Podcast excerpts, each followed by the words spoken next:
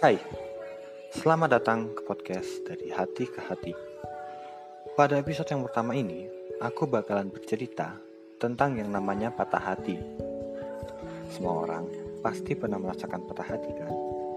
Dan kebanyakan disebabkan oleh orang yang terdekat, entah itu kekasih, sahabat, atau keluarga. Tapi ada juga yang patah hati yang disebabkan karena kegagalan dalam mencapai sesuatu.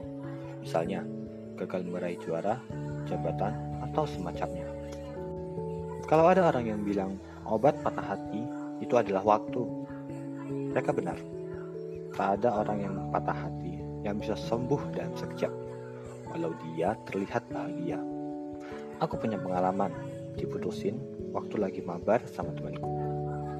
Bukan lewat chat, tapi langsung Memang waktu itu aku terdiam, tapi terdiamnya diriku karena aku tidak tahu harus apa. Karena setelah dia ngomong, dia pergi. Temanku langsung nanya kabarku. Ya, aku jawabnya baik-baik saja sambil senyum. Tapi setelah itu, patah hatinya itu sangat terasa.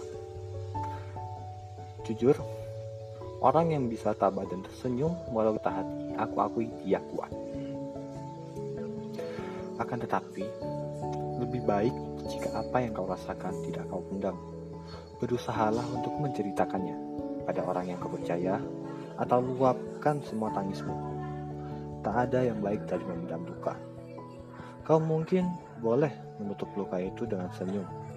Akan tetapi, ada waktunya untuk membuka apa yang ada di balik senyum itu dan membiarkannya kering hingga sembuh. Memang butuh waktu lama, tetapi itu lebih baik dibanding membiarkannya tertutup dan malah menjadi lebar. Kadangkala kau pun butuh orang lain untuk membantu menyembuhkan lukamu, walau ada segelintir orang yang malah memperdalamnya.